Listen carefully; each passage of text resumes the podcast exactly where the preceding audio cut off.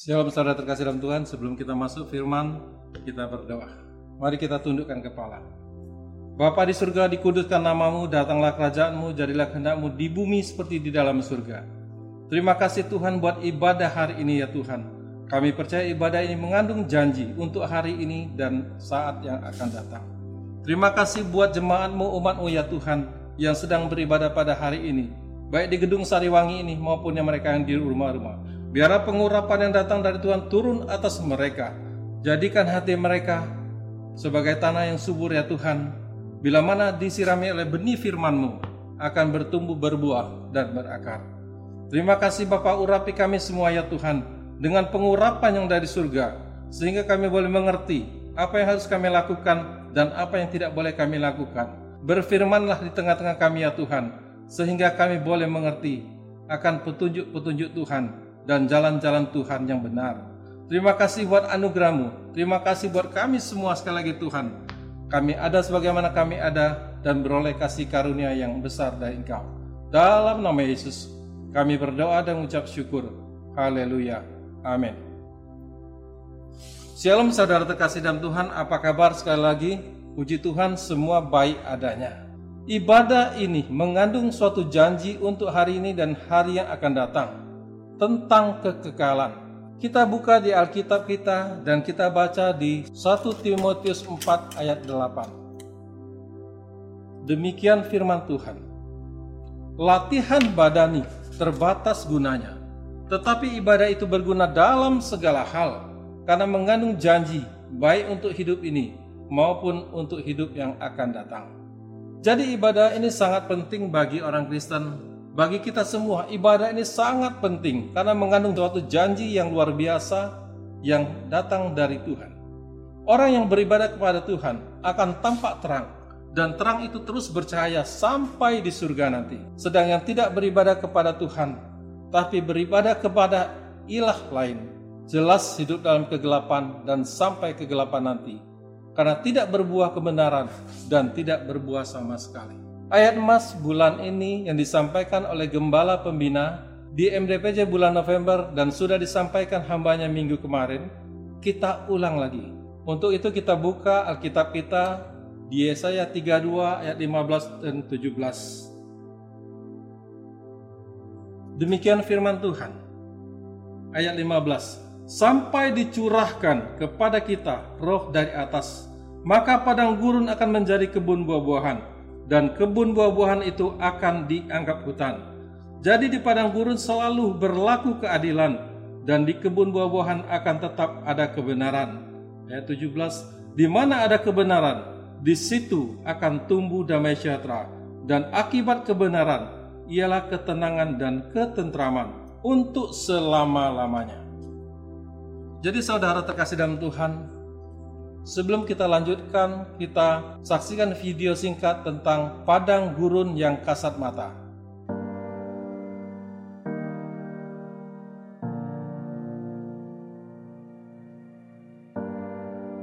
Eh 呀，也有的人说，你比如说在这里头种树了，真的在这里头能活过，能活得下来，待下来也还算，比如说种这么多，说算也算奇迹。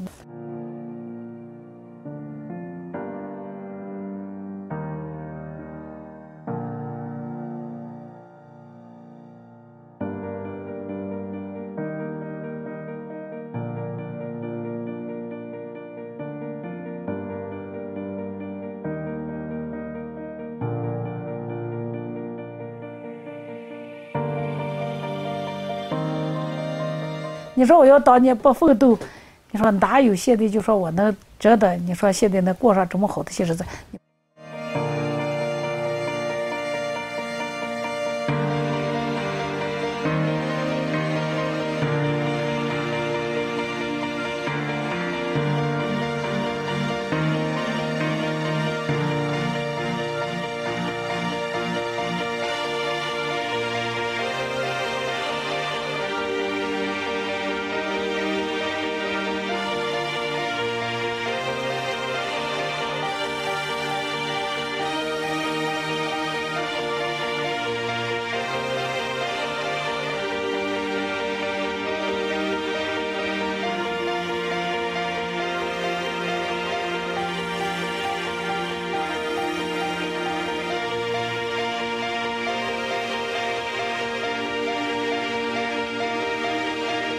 那时候最大风沙是是那样，就人别说睁眼睛了，就是你搁一边站着，他推着你能往前走。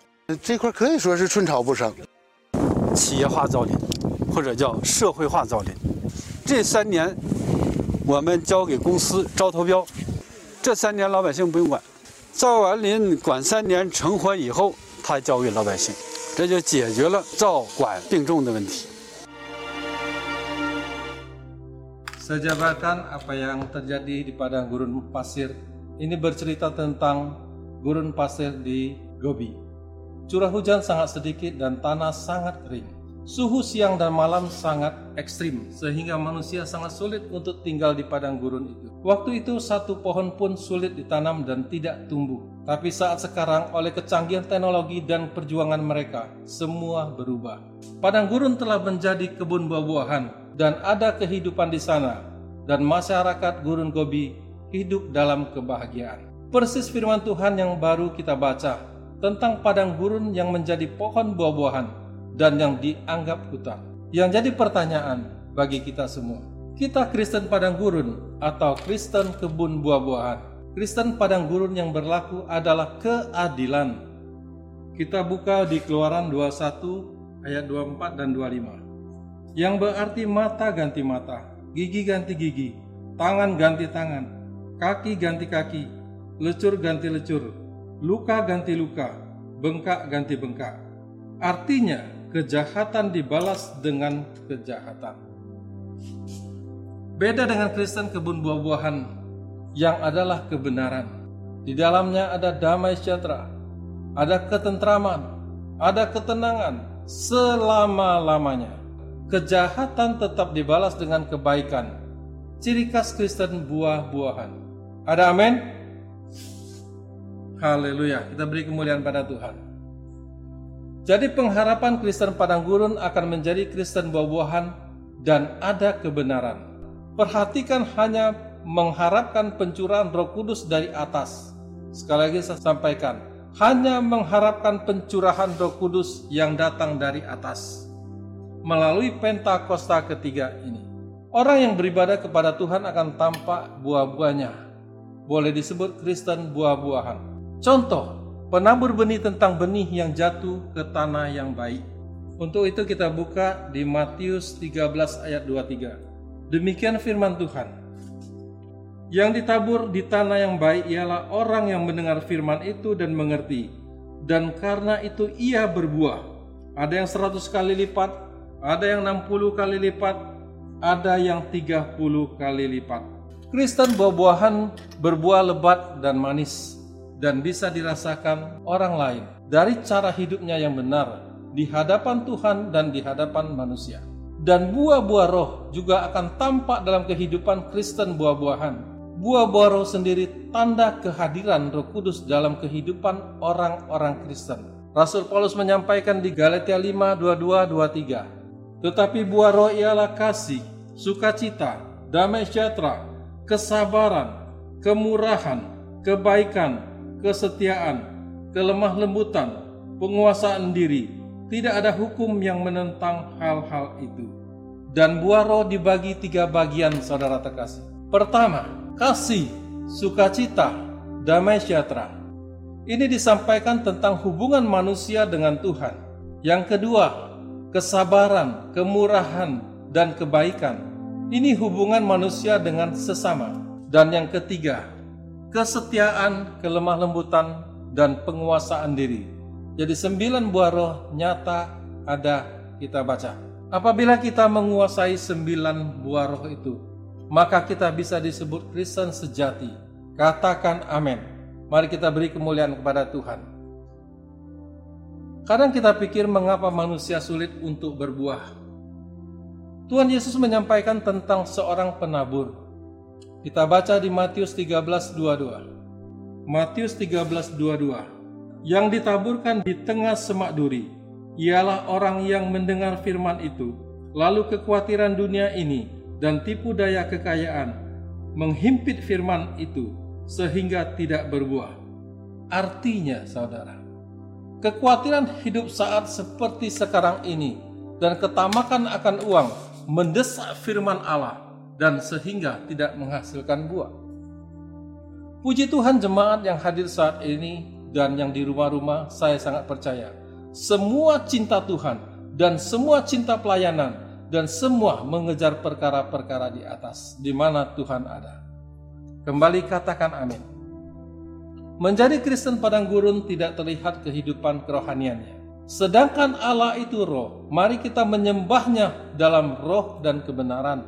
Tetapi Kristen padang gurun tetap punya harapan Kembali saya sampaikan, tetapi Kristen padang gurun tetap punya harapan, karena pengharapan tidak akan pernah mengecewakan. Satu-satunya adalah minta pencurahan Roh Kudus yang datang dari atas, minta belas kasihan dari Tuhan dan kemurahan Tuhan. Seperti jemaat mula-mula di kisah para rasul, mereka bertekun bersehati bersama-sama dalam unity, berdoa siang dan malam. Inilah prinsip restorasi Pondok Daud yang terus dikumandangkan oleh gembala pembina kita, Pak Niko, bahkan sebagai DNA kita. Kita pun harus mengikuti dan menyampaikannya. Pemulihan ini sedang terjadi dan terus terjadi sampai setiap lutut bertelut dan semua lidah mengaku Yesus Kristus adalah Tuhan. Sampai Tuhan datang kedua kali, kita pantas dan layak bersyukur punya gembala pembina yang mencintai bangsa dan bangsa-bangsa. Karena kita sendiri tahu kegerakan Pentakosta ketiga yang terus dikumandangkan, digongkan dari timur ke barat. Kita semua tahu timur adalah Indonesia, barat adalah Amerika dan Kanada, dan menyebar ke semua benua yang ada dan kembali ke Yerusalem. Barulah kesudahan semuanya berakhir. Dan Tuhan Yesus datang segera. Katakan amin. Kita beri kemuliaan pada Tuhan. Percayakah kita akan hal itu? Percayakah kita akan hal itu? Karena kita percaya maka kita akan berkata-kata. Maka pencurahan roh kudus dari atas itu sangat-sangat penting. Mintalah, maka roh kudus akan diberikan kepadamu. Carilah, maka engkau akan mendapatkannya.